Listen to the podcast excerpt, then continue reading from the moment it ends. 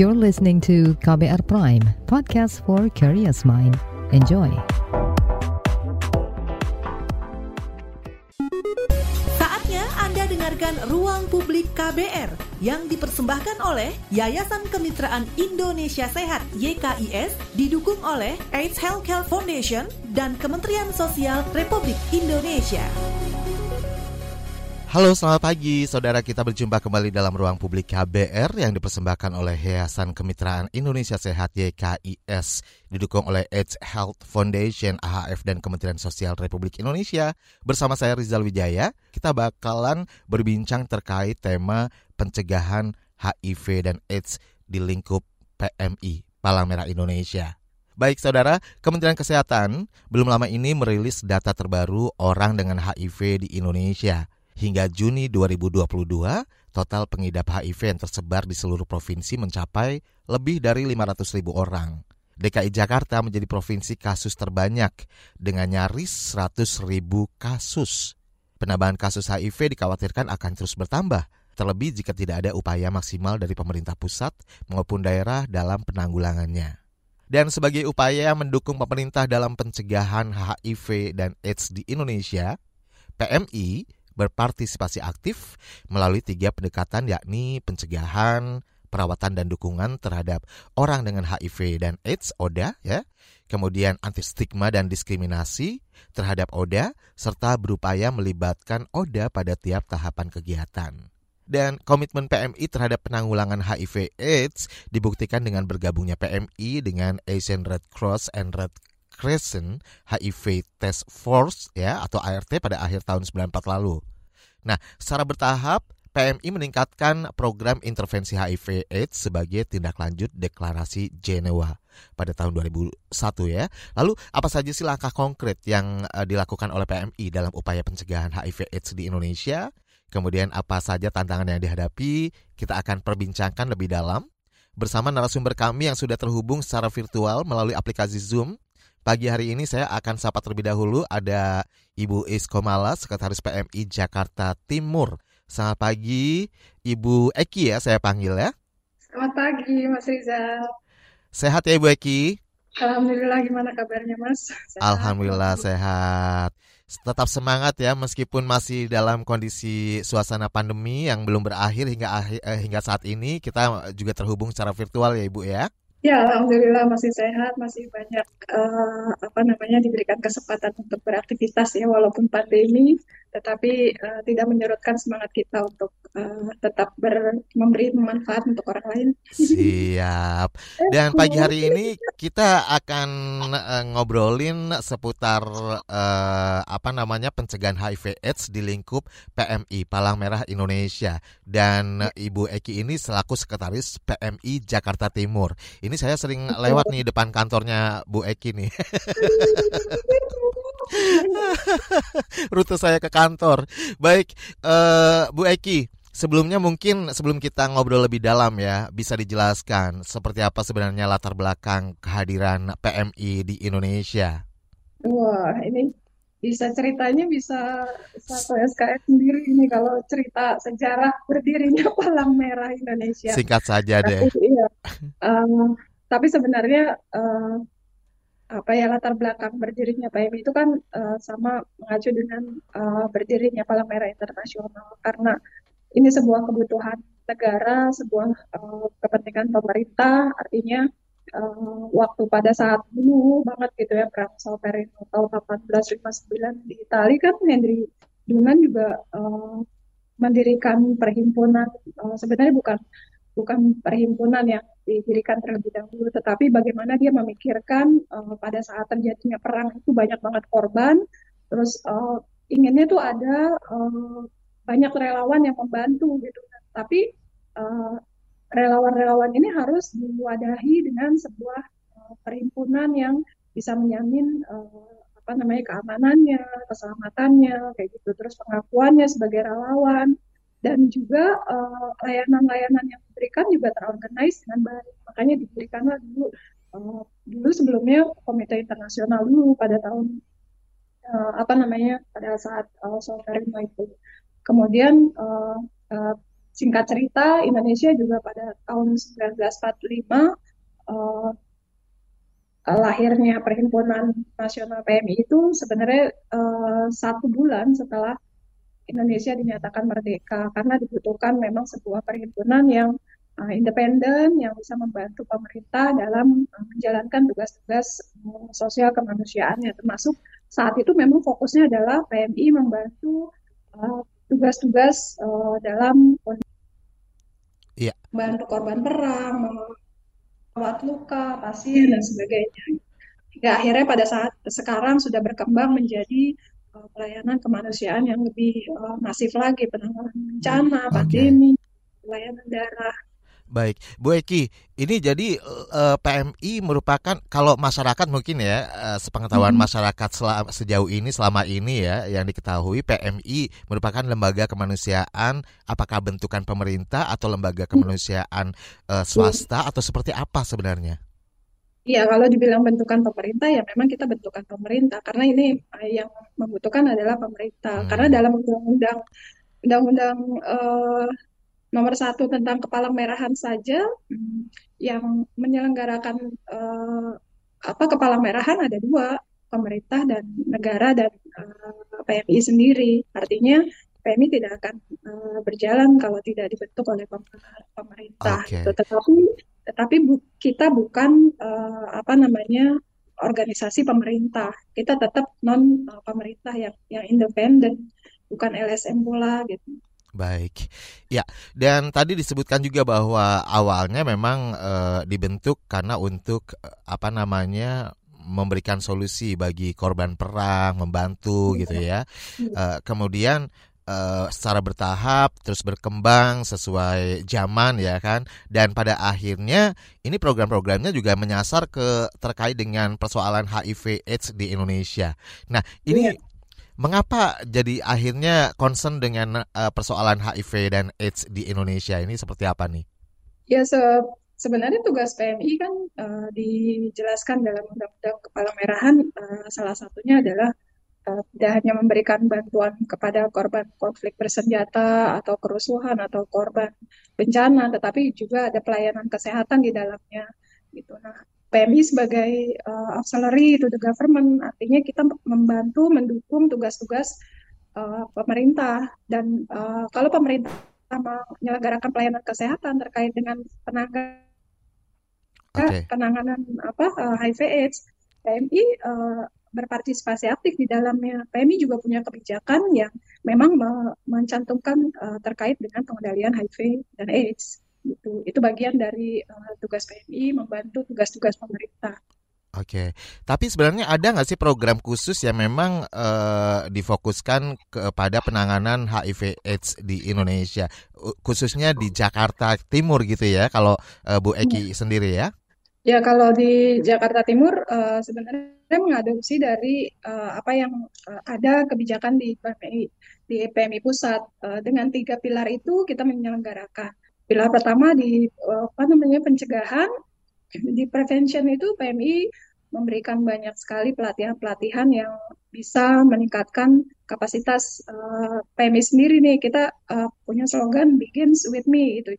Jadi sebelum kita intervensi ke eksternal, kita harus menguatkan dulu internal kita. Hmm. Semua staff ter uh, well informed dengan uh, apa namanya HIV/AIDS. Kemudian kita menyelenggarakan pelatihan supaya mereka bisa menjadi key person. Uh, ada core trainer, fasilitator, peer, peer educator di lingkungan sekolah, bahkan sampai dengan uh, apa tuh namanya peer uh, information di uh, kalangan komunitas kayak gitu. PMI juga PMI Jakarta Timur termasuk, tetapi tidak hanya PMI Jakarta Timur, uh, PMI PMI di luar Jakarta juga uh, mengikuti kebijakan dari PMI pusat tiga pilar itu. Di prevention lebih banyak me menguatkan uh, kapasitas orang-orang untuk bagaimana apa namanya meningkatkan kesadaran masyarakat. Kemudian di care and supportnya PMI Jakarta Timur beserta PMI yang lain di Jakarta juga di luar Jakarta uh, kita ada program uh, psikososial support. Nah, care and support tidak hanya uh, kita menyediakan layanan ambulans untuk uh, para ODIF ya orang dengan HIV/AIDS, tetapi juga uh, ada ambulans jenazah juga untuk teman-teman uh, ODIF yang uh, mohon maaf meninggal dunia itu kita bisa memberikan layanan tanpa Hmm. diskriminasi tanpa diskriminasi ya kemudian uh, apa uh, psikososial support juga kita bisa melakukan pendampingan bagi mereka yang membutuhkan rujukan membutuhkan uh, apa namanya support gitu teman dan sebagainya. Kemudian di anti stigma dan diskriminasi ya semua campaign kita lakukan menyasar berbagai apa sektor um, termasuk target-target yang potensial dan strategis. Tergantung dari ininya sih apa uh, apa sasarannya kalau misalnya sasarannya orang dewasa ya metode dan medianya tentunya berbeda dengan sasaran kita remaja kalau remaja ya lebih pada peer approach gitu youth approach uh, pendekatannya disesuaikan dengan target audiensnya seperti itu ya. Baik. Kalau darah juga termasuk ya. Uh, kita kan ada apa namanya penyediaan darah aman. Itu salah satu kebijakan uh, PMI juga aman dari HIV seperti itu. Baik. Ada screening screening darah termasuk salah satu kebijakan dalam pencegahan HIV di Oke, okay. baik. Jadi uh, di dalam internal PMI sendiri ini uh, apa namanya ada program untuk peningkatan kapasitas uh, kepada para relawan, ya. kepada para ya. anggotanya gitu ya terkait dengan ya, isu HIV/AIDS ini. Dan Betul. kalau kita bicara terkait dengan sosialisasi, edukasi kepada masyarakat untuk meningkatkan kesadaran di masyarakat terkait isu HIV/AIDS ini. Nah, seperti apa dari pantauan PMI sendiri, Mbak Eki? Bagaimana sebenarnya tingkat kesadaran di masyarakat terkait isu uh, eh, HIV dan AIDS sejauh ini? Ya sama halnya kayak pandemi COVID sekarang. Awal-awal mereka takut. Gitu. Uh, COVID kan awal-awal kayak gimana kita dihadapkan Panik dengan ya. uh, kepanikan, ketakutan, stres, uh, kekhawatiran, bahkan ada yang kecemasan uh, berlebihan gitu. Itu juga terjadi pada uh, kasus pertama-tama HIV. Semua orang, bahkan ada teman-teman kita yang sakit, tidak bisa dipegang, tidak bisa mengakses layanan kesehatan gitu. Tapi waktu uh, berjalan, semua sektor terlibat, teman-teman LSM luar biasa dia uh, berupaya, pemerintah juga meningkatkan uh, kebijakan-kebijakan upaya-upayanya, semua kita di tataran implementer juga uh, bahu membahu bergandengan tangan gimana caranya tidak terjadi lagi diskriminasi kemudian uh, penyebaran akselerasi program-program uh, apa uh, penanggulangan HIV gitu. Dan ya uh, sampai hari ini sih maksudnya tidak terlalu panik di awal-awal gitu. Dan dan banyak banget teman eh, teman-teman yang uh, mendengar HIV, oh udah biasa aja, sama kayak sekarang COVID juga, oh kok oh, ya, dia lagi kena COVID, oh ya udah biasa aja, nggak ada kayak nggak ada kepanikan ada kayak di awal ya. Awal-awal luar biasa, bahkan ada yang meninggal keluarganya pun nggak boleh masuk. Kita hmm. pernah ngangkut men, men, men, apa tuh namanya ngangkut uh, pasien, ngangkut uh, evakuasi pasien itu sama sama keluarganya benar-benar nggak dipedulikan uh, gitu. Bahkan ada jenazah yang diletakkan aja jenazah teman kita Odif gitu orang dengan HIV diletakkan di luar boro-boro boleh masuk. Ke ini akhirnya ya kita balik aja nggak usah nggak usah daripada diserbu masyarakat itu sampai sampai sebetulnya ketakutan dulu. Tapi sekarang uh, support dan tingkat kesadaran masyarakat semakin meningkat, tingkat pengetahuan terutama. Dan pengetahuan meningkat artinya upaya pemerintah, upaya kita nih sebagai NGO di bawahnya, sebagai implementer itu juga kuat banget um, apa menyebarluaskan informasi bahwa HIV itu nggak nggak semangat menakutkan hmm. seperti itu. Jangan cemas, jangan tidak ada lagi diskriminasi itu sih. Oke, saya penasaran nih, uh, sebenarnya langkah konkret seperti apa sih sosialisasi edukasi yang dilakukan oleh PMI terkait isu HIV/AIDS ini uh, kepada masyarakat dilakukan dalam uh, bentuk program seperti apa, packagingnya seperti apa sih? Uh, nanti boleh diceritakan ya, uh, Bu Eki ya. Dan saya juga penasaran nih, mengapa ya uh, tingkat kesadar seiring berjalannya waktu nih tingkat kesadaran di masyarakat sebenarnya udah mulai tumbuh gitu ya tingkat awarenessnya.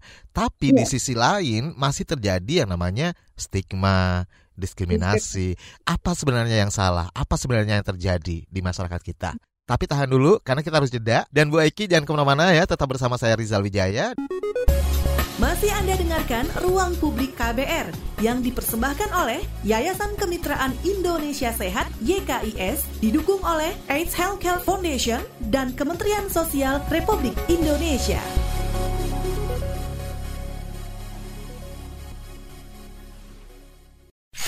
Commercial break.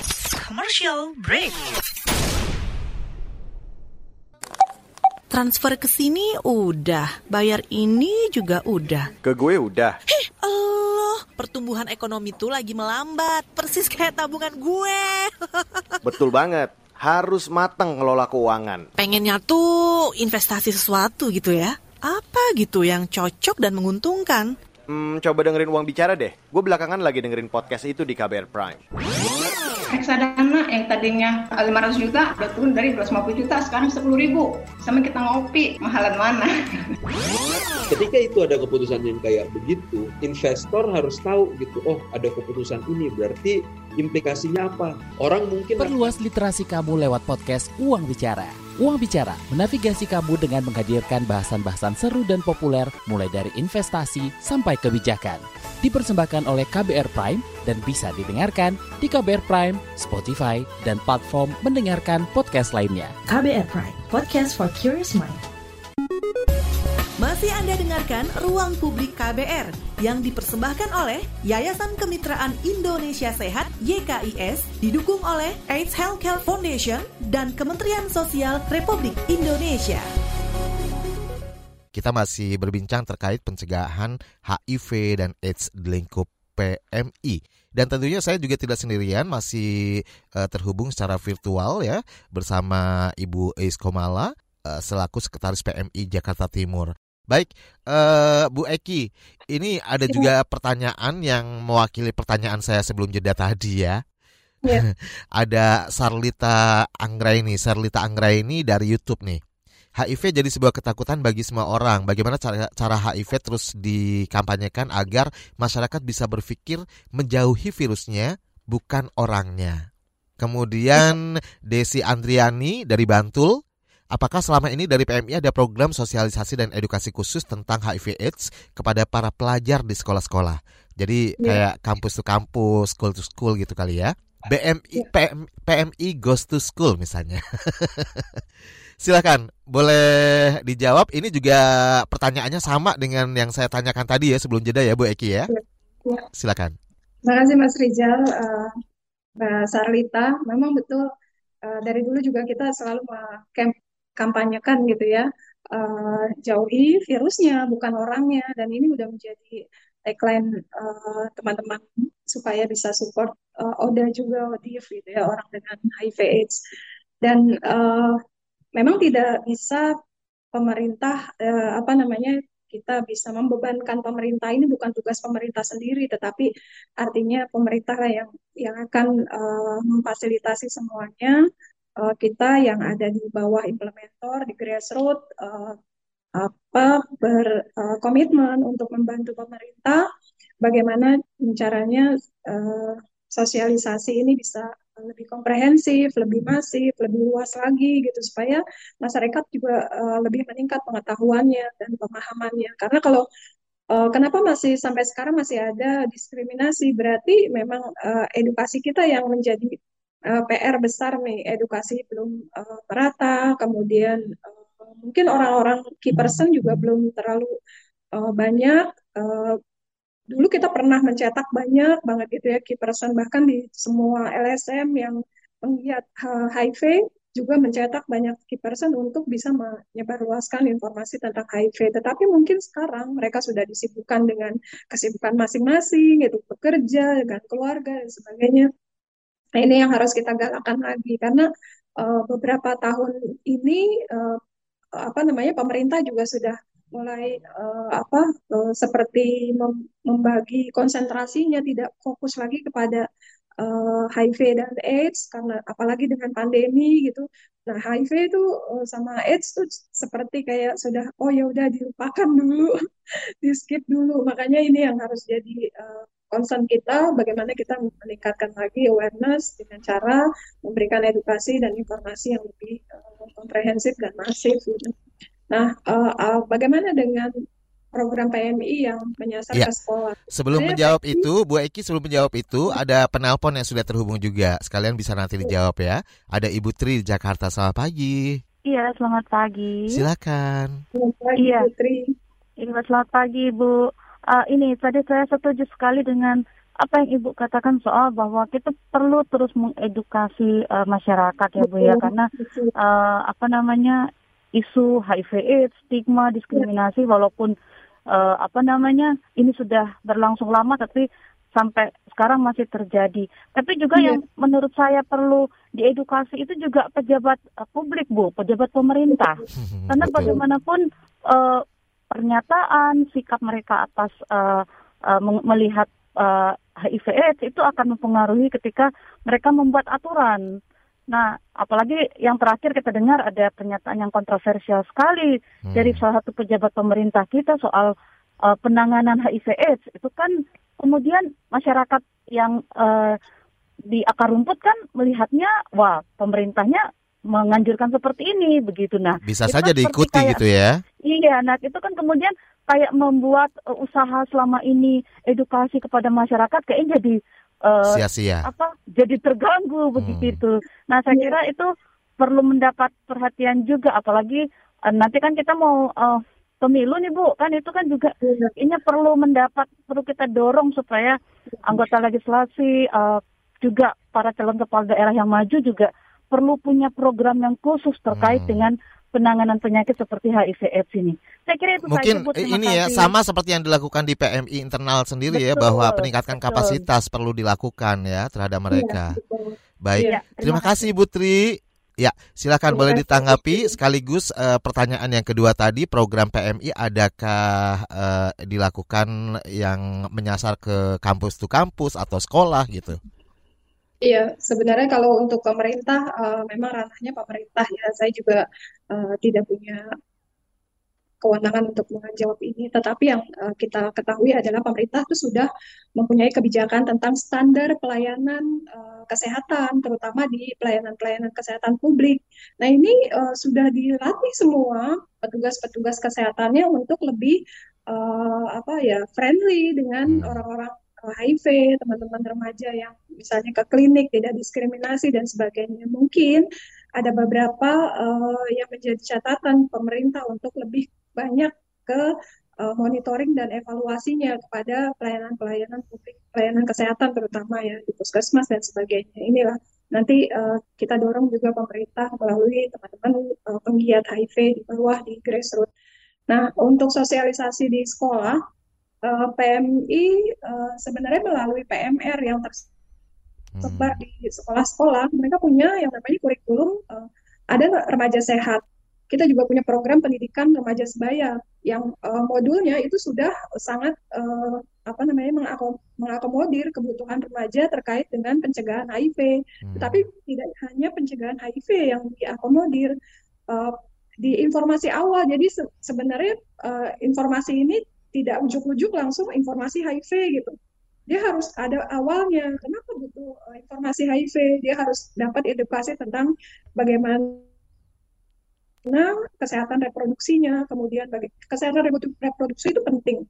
Remaja harus tahu kapan dia menggunakan eh, atau memanfaatkan atau eh, mempraktekkan apa organ-organ reproduksinya dia supaya dia tidak tidak eh, apa tidak hanya ujuk-ujuk gitu ya tidak- ujuk-ujuk itu bahasa apa ya tidak hanya tiba-tiba langsung Ah. dikasih HIV jadi harus ada eh, prolognya. Mereka harus mengetahui tentang kesehatan re- eh, reproduksinya kemudian eh, tentang seksualitasnya kemudian eh, bagaimana resiko-resikonya ketika dia menentukan eh, harus apa namanya seksual aktif gitu. Dan eh, dia tahu bahwa ada infeksi menular seksual dan HIV adalah ending dari eh, kesemua perilaku ini sampai dampaknya adalah eh, teman-teman eh, bisa terdampak eh, HIV gitu. Hmm. Entry-nya adalah ya itu tadi tidak tidak paham dengan kesehatan reproduksi, dia tidak tahu bagaimana tentang seksualitasnya sampai dengan eh, dia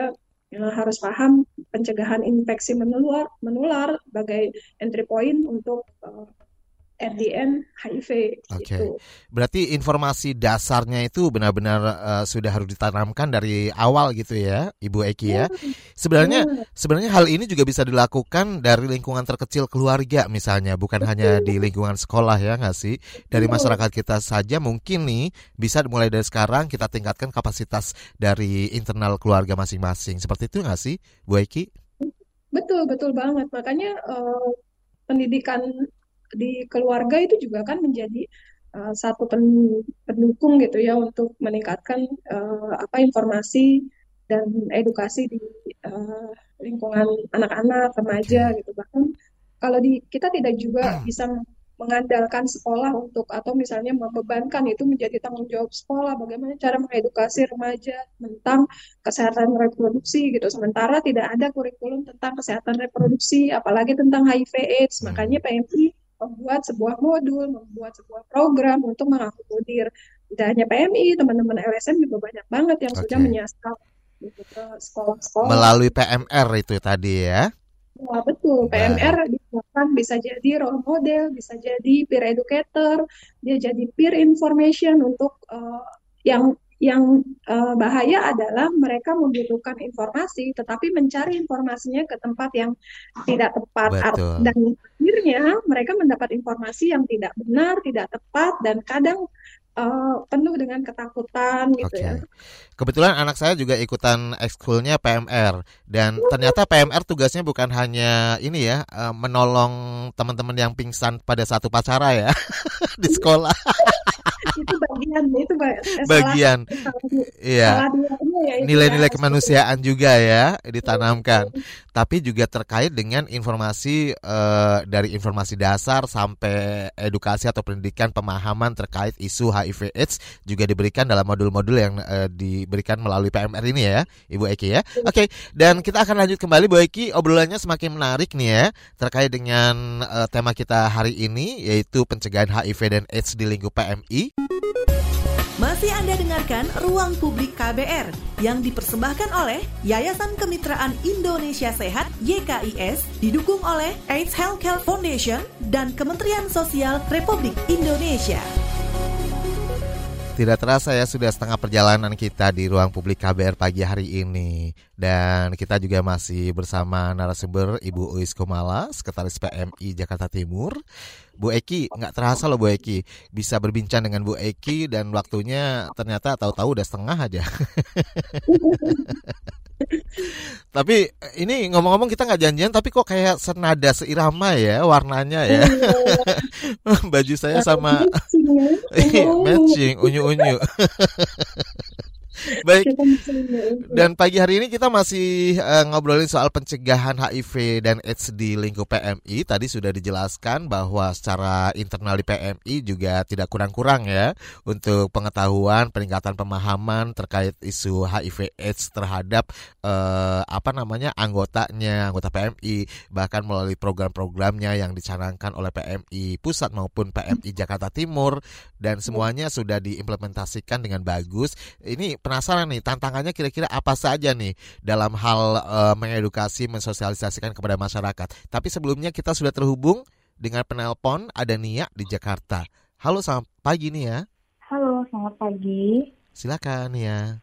Ya, terima kasih untuk KBR dan juga untuk Bu Eki. Bu, saya mau nanya, kalau saya sebagai masyarakat biasa gitu yang bukan uh, bekerja di PMI, apakah saya bisa berpartisipasi nih untuk sosialisasi terkait HIV/AIDS ini ke masyarakat? Ada wadahnya gitu nggak sih Bu Eki? Hmm, mau daftar Ya. jadi volunteer relawan gitu ya? Ya, seperti itu. Eh, Oke, kalau Gitu mungkin Bu Eki bisa menjawab ya pertanyaan Bu Nia di Jakarta. Terima kasih. Terima kasih Bu Nia. Terima kasih Bu Nia. Eh, kalau domisilinya di Jakarta, hmm, Bu Nia bisa ke PMI di Jakarta yang sesuai dengan domisilinya. Eh, mendaftar sebagai relawan, kemudian eh, di situ kan ada kategori tenaga sukarela gitu ya. Tenaga sukarela itu terdiri dari orang-orang yang memiliki kompetensi khusus seperti Hmm. dokter, perawat, eh, guru, pembicara, pembicara gitu ya, bahkan teknisi sampai dengan apa tuh namanya para hmm, apa fotografer, media gitu itu bisa menjadi tenaga sukarela uh, PMI. Uh, nanti begitu daftar di sana uh, kita akan akan mengkategorisasikan uh, spesialisasi yang dimiliki oleh tenaga sukarela. Kayak dokter itu bisa kita mobilisasi di pelayanan-pelayanan kesehatan di posko gitu ya ambulan pelayanan ambulan. Kemudian guru-guru juga bisa kita mobilisasi untuk edukasi sampai dengan ke masyarakat. Atau teman-teman uh, juga bisa uh, apa namanya kontribusi ketika nanti uh, ketika ada pelatihan-pelatihan uh, di sekolah melalui uh, program PMR melalui PMR uh, kita bisa edukasi di sana gitu. dan hmm. sebenarnya banyak sekali uh, apa ruang-ruang yang bisa diakses oleh masyarakat di PMI tetapi kalau misalnya uh, lebih nyaman dengan lembaga lain juga banyak yang menyediakan uh, akses itu untuk uh, terbuka sebagai uh, pembicara, trainer, gitu, educator, bisa itu. Baik.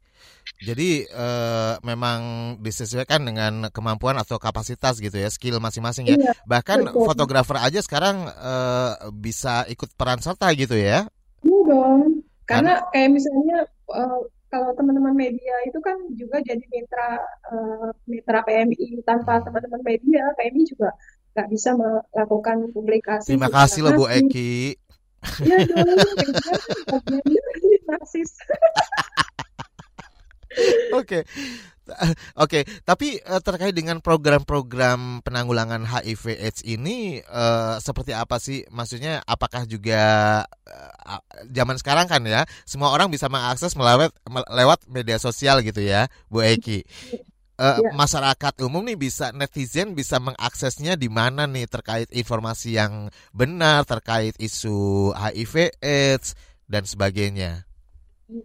Kalau di Jakarta Timur ada youth center gitu. Kita juga ada media uh, sosial terkait dengan khusus uh, youth center itu mempublikasi informasi-informasi uh, dan edukasi terkait dengan kesehatan reproduksi, kemudian seksualitas, isu-isu remaja, dia semua ada di youth center hmm. uh, termasuk dengan pencegahan HIV. Tetapi di uh, PMI uh, se-Indonesia mereka juga website dan uh, bahkan PMI pusat juga menyediakan khusus website uh, yang bisa diakses oleh masyarakat umum gitu. PMI luar luar Jakarta uh, website dan info-info media sosial melalui media sosialnya juga luar biasa mereka bisa diakses gencar untuk sosialisasi. Oke, kayak webinar yang bisa diikuti oleh masyarakat misalnya atau iya. talk show seperti itu ada betul, juga ya?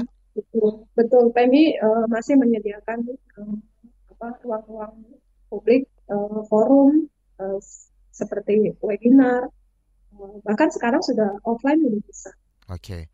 Baik, dan saya akan bacakan satu lagi nih pertanyaan dari YouTube ada Doniel ya. Selamat pagi, Doniel. Terima kasih. S saya sering donor darah di PMI. Ketika saya donor darah, saya isi form dan itu ada pertanyaan apakah Anda terinfeksi HIV. Pertanyaan saya, apa yang dilakukan PMI bagi Oda yang ingin donor? Gimana Bu tanggapannya? Nah, ini bisa diberikan gambaran ya Ibu ya. Silakan. Terima kasih Mas Daniel. Memang karena mandat kita adalah di UDD PMI menyediakan darah aman dan bukan bagian dari diskriminasi loh, tetapi ini bagian dari tanggung jawab kita juga, tanggung jawab teman-teman ODIF untuk tidak menularkan HIV kan kalau berbagi jangan berbagi virus, tetapi hmm. berbagi kasih sayang. Mantap. Boleh dong dikasih sayangin. Kenapa? berbagi uh, jangan berbagi virus ya. Kenapa harus ada uh, screening di awal? Screening di awal kita adalah melalui uh, form uh, yang harus diisi secara jujurly gitu ya. Jadi teman-teman uh, harus uh, menyampaikan kalau memang uh, HIV positif ya sampaikan aja kita pernah HIV positif.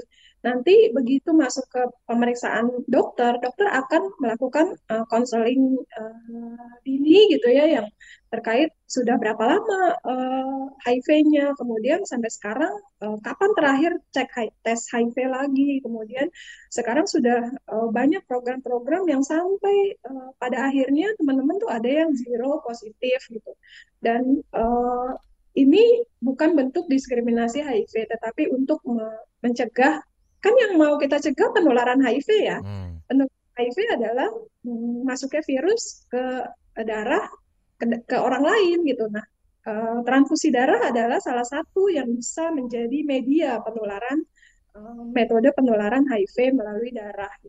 Itu ya, eh, Mas Daniel, eh, kita tetap kita tetap support teman-teman eh, boleh kalau mau melakukan pemeriksaan misalnya kayak HB, eh, pemeriksaan eh, apa tensi dan sebagainya kepada dokter boleh, tetapi untuk eh, teman-teman jangan kan jangan cuman teman-teman HIV yang tensinya rendah aja ditolak, Hmm. tensinya rendah, tensinya tinggi ditolak, tapi itu bukan diskriminasi kan, karena kita memang pengen darahnya yang berkualitas, darah sehat, darah Oke. yang aman gitu. Dan bagian dari pencegahan penularan gitu ya. Betul. Jadi Baik. mohon maaf kalau teman-teman eh, teman-teman HIV, ODIF, sahabat ODIF tidak bisa melakukan donor darah, tetap Oke. eh, teman-teman ODIF, tetapi teman-teman yang punya eh, penyakit-penyakit tertentu dalam enam bulan masih masa perawatan itu juga kita tolak gitu. Baik. Dan eh, tadi saya penasaran juga nih sebenarnya tentunya ada banyak tantangan yang dihadapi ya oleh PMI ketika mengedukasi masyarakat terkait isu HIV AIDS ini. Mungkin ada penolakan, eh, tidak menerima. Seperti apa nih tantangannya yang Ya, dihadapi? eh, tantangannya karena kalau eh, saya bicara di Jakarta Timur gitu ya, terlalu luasnya eh, apa jangkauan itu juga menjadi sebuah tantangan buat kita untuk eh, apa namanya mensosialisasikan secara masif program-program. Nah, eh, bersama dengan teman-teman LSM di Jakarta, mungkin di Indonesia juga teman-teman PKBI, teman-teman yayasan eh, YPI, Yayasan Pelita Ilmu, kemudian ada eh, banyak lagi Sri Kandi Sejati dan sebagainya gitu. Itu juga bergandengan tangan untuk melakukan eh, namanya pen- penyebaran informasi untuk pencegahan HIV. Tetapi eh, di yang ter, kita kadang terbentur dengan kendala dengan waktu dan eh, ruang ya. Kayak misalnya sekolah kita harus berbenturan dengan polisi di sekolahan. Hmm. Uh, Kalau PMI, kalau PMI masih gampang karena kita insert dengan muatan uh, lokal yang ada di kurikulum PMR. Itu Polisi yang ter- seperti apa yang menjadi hambatan ini Bu Eki bisa dijelaskan? Misalnya. kalau di kalau di sekolah uh, itu kan banyak banyak sekali uh, apa namanya uh, apa kayak kayak regulasi-regulasi sekolah yang mungkin uh, memberikan keterbatasan untuk uh, teman-teman menjangkau gitu. Hmm. Seperti eh, sudah terlalu eh, apa lam- sudah terlalu padat eh, jam pelajaran sehingga Oke. eh, ini harus menyesuaikan dengan jam kurikulum jam pelajaran di sekolah. Kemudian ekskul juga sudah padat. Terus eh, tenaga yang terbatas, eh, mungkin juga dengan eh, berbagai eh, apa namanya kebijakan lain di sekolah ini juga bisa menghambat penyesuaian waktu dan ruang yang eh, ada di sekolah. Baik. gitu. Waktu dan ruang ya. Oke. Iya. Dan eh, kita akan lanjutkan kembali sampai di bagian akhir nanti di ruang publik KBR. Jangan ke mana-mana. Masih Anda dengarkan Ruang Publik KBR yang dipersembahkan oleh Yayasan Kemitraan Indonesia Sehat YKIS didukung oleh AIDS Healthcare Foundation dan Kementerian Sosial Republik Indonesia.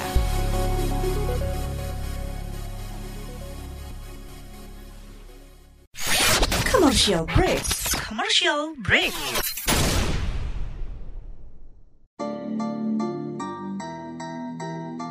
Come on yo. Buat yang sukanya berhoax, you better listen to this one. Check this one out yo. Hati-hati kalau baca kabar Hoax, Jangan langsung disebar kabar yang hoax, Kalau mau tahu kabar benar atau hoax, Dengerin cek fakta yang pasti bukan hoax, Dengerinnya setiap Senin yang jelas bukan hoax. Cuma ada di kbrprime.id. Dan aplikasi podcast lainnya Hoax, Sudah cukup-cukup hoaxnya? hoax, Cukup Jaga emosi, tahan jari, verifikasi sebelum dibagi. Saya Ari Bowo Sasmito, Ketua Komite Pemeriksa Fakta Mafindo. KBR Prime, podcast for curious mind. Masih Anda dengarkan Ruang Publik KBR yang dipersembahkan oleh Yayasan Kemitraan Indonesia Sehat YKIS didukung oleh AIDS Healthcare Foundation dan Kementerian Sosial Republik Indonesia. Inilah bagian akhir ruang publik KBR yang dipersembahkan oleh Yayasan Kemitraan Indonesia Sehat YKIS, didukung oleh AIDS Health Foundation, AHF, dan Kementerian Sosial Republik Indonesia. Tema kita hari ini pencegahan HIV dan AIDS di lingkup PMI. Baik, dan Anda yang uh, sekarang masih juga uh, ingin bertanya ya, sayang sekali waktunya terbatas. Tapi saya akan coba bacakan dulu nih buat uh, yang sudah berkomentar melalui YouTube channel Berita KBR. Ada banyak banget nih banyak yang kasih semangat juga ya. Ada Mas Wikan, silakan. Uh, Mas Wikan, bagaimana uh, prokes rutin sehari-hari yang dilakukan PMI sebagai salah satu tenaga kesehatan dalam pencegahan HIV, AIDS, dan COVID-19 tentunya? Silakan, Bu Eki. Terima kasih, uh, Mas, pertanyaannya. Ini sebenarnya prokes itu tidak hanya dikhususkan untuk HIV AIDS, uh, tidak ada pengkhususan itu, tetapi prokes berlaku untuk semuanya karena uh, prokes uh, sesuatu yang wajib yang menjadi prosedur tetapnya petugas-petugas kesehatan kita, termasuk juga eh, petugas-petugas uh, yang ada di lapangan. Yang membedakan adalah saat ini karena sedang pandemi, kemudian kita harus pakai gaun ya, harus pakai uh, apa namanya hazmat. Nah itu yang uh, karena pandemi gitu ya. Uh, sebenarnya Eh, nggak usah nggak usah uh, ragu bahwa uh, pelayanan yang diberikan PMI itu tidak ada membedakan dengan pelayanan terhadap ODIF gitu yang uh, menjadi uh, protection uh, buat teman-teman kesehatan uh, itu sudah dilakukan uh, tidak hanya untuk teman-teman atau sahabat ODIF tetapi untuk uh, semua kasus gitu. Protap, prokes tetap dijalankan uh, sesuai dengan prosedur kami. Oke, baik. Berikutnya ada pertanyaan juga dari Aeva underscore Changs. Ini kayaknya orang Korea Selatan deh. Kalau nggak korut. Apakah ada kerjasama khusus antara lembaga-lembaga yang menangani HIV/AIDS? Maksudnya antara PMI dengan lembaga-lembaga yang menangani HIV/AIDS. Dan ya. adakah juga kerjasama dengan pemerintah?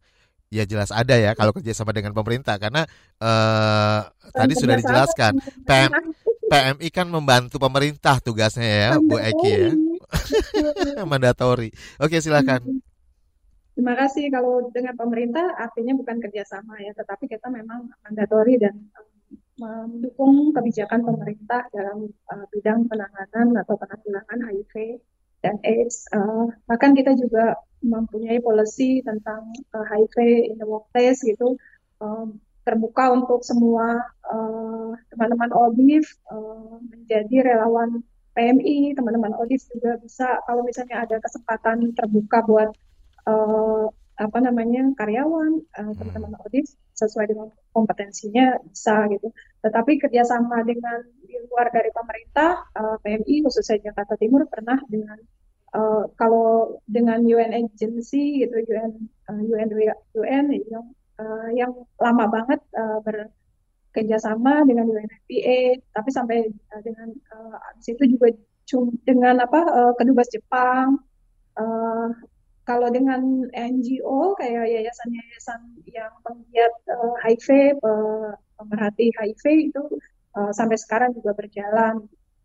Uh, kemudian kalau dengan uh, instansi-instansi juga ada yang namanya uh, volunteer, um, corporate volunteer itu mereka hmm. juga uh, bisa menjadi uh, volunteer untuk menginformasikan sosialisasi HIV, pencegahan HIV di lingkungan kerja. Jadi semua sektor uh, tersentuh nih, Mas Rizal. Tidak hanya di sekolah, di masyarakat, tapi di lingkungan kerja juga perlu ada orang-orang key person yang dia bisa me, apa, mensosialisasikan ini. Kadang kita juga uh, nggak ternyata gitu ada beberapa uh, karyawan yang ternyata dia odif gitu. Hmm. Nah ini kan uh, di policy maker di di uh, jajaran petingginya juga harus paham apa yang harus dilakukan ketika okay. tahu bahwa karyawannya odif. Baik, artinya akses pekerjaan juga diupayakan gitu ya eh, kepada para odif dan oda ini ya. Iya, Dan banyak kok relawan kita yang. Ban- Oke. eh, ada beberapa eh, ka- apa staff juga yang sampai sekarang eh, audit mm, masih terbuka mitra kerja kita audit. baik, PMI memberikan ruang wadah bagi para oda dan odif. Makanya jangan khawatir nih. Nah, mungkin eh, satu hal yang perlu ditekankan kepada masyarakat kita terkait dengan kesadaran eh, dengan isu HIV/AIDS ini eh, kaitannya dengan masih melekatnya stigma, diskriminasi. Sebenarnya eh, hal sederhana apa nih yang bisa dilakukan oleh masyarakat kita supaya kita juga tidak ikut-ikutan memberikan stigma kepada oda dan odif ini. Iya. Kalau eh, PMI kan ada namanya care and support ya. Sebenarnya ini juga bisa dilakukan oleh masyarakat eh, apa namanya masyarakat umum bahwa eh, care and support itu lebih dibutuhkan oleh teman-teman atau sahabat audit. Eh, sama halnya kayak pandemi kan COVID. Teman-teman kalau tidak dapat support, nah imunnya menurun. Tapi kalau dia dapat support, dapat pendampingan, eh, dapat eh, apa namanya kepercayaan bahwa audit itu tidak lemah, audit itu bahkan banyak yang knowledgeable loh Eh, teman-teman kita yang yang di eh, yang audit itu eh, mereka bisa punya jabatan khusus, jabatan eh, yang strategis, kemudian mereka bisa survive, mereka bisa menyelesaikan eh, pendidikannya kayak gitu. Ini yang harus diberikan eh, kepercayaan, harus disupport eh, teman-teman audit, tidak dibedakan, tidak apalagi sampai diskriminasi. Ini yang harus eh, kita terapkan sih. Baik. untuk Ya. Karena penularannya tidak semudah kita ketika ketemu sama Oda dan Odif gitu ya, Bu. Bu, Iya tapi ada proses di sana ya. Tapi kayaknya Aku kalau untuk menjelaskan proses penularannya ini udah nggak ada waktu Iya, lagi iya. nih, Bu. Bu Eki, Tapi yang penting Ya. Iya, siap. mungkin satu pesan aja nih karena kan eh, Jakarta menjadi salah satu ini ya daerah yang paling tinggi nih untuk kasus eh, baru dari HIV/AIDS ini. Nah, apa nih pesan yang ingin disampaikan kepada masyarakat? Silakan yang terakhir. Iya, eh, sebenarnya yang eh, apa namanya jadi concern kita adalah eh, mencari tahu sebelum kita eh, eh, membuat sebuah eh, apa tuh namanya keputusan gitu ya. Kita harus harus cari tahu dulu, jangan sampai kita melakukan sesuatu yang kita tidak tahu. Cari tahu informasi yang benar di, di Oke. di tempat yang benar, jangan sampai dapat informasi yang salah supaya pemahaman kita juga benar. Baik. Eh, untuk untuk masyarakat eh, ketika ada kasus HIV eh, pastikan eh, mereka juga manusia eh, yang harus eh, diberikan haknya untuk eh, disayang, dicintai, diberikan kesempatan, dihormati, dihargai dan segala macam. Oke. Kita eh, kita memberikan itu support Ya. dan Terima kasih Bu Eki, luar biasa udah sharing pagi hari ini ya. Dan dari saya Rizal ya, eh, yang terpenting adalah jauhi virusnya bukan orangnya. oh, Sepakat ya. virus. Terima kasih Bu Eki sekali lagi kami ucapkan dan saya Rizal Wijaya harus segera pamit dari ruang publik KBR pagi hari ini. Terima kasih, salam. Baru saja Anda dengarkan Ruang Publik KBR yang dipersembahkan oleh Yayasan Kemitraan Indonesia Sehat YKIS didukung oleh AIDS Healthcare Foundation dan Kementerian Sosial Republik Indonesia. KBR Prime, cara asik mendengar berita. KBR Prime, podcast for curious mind.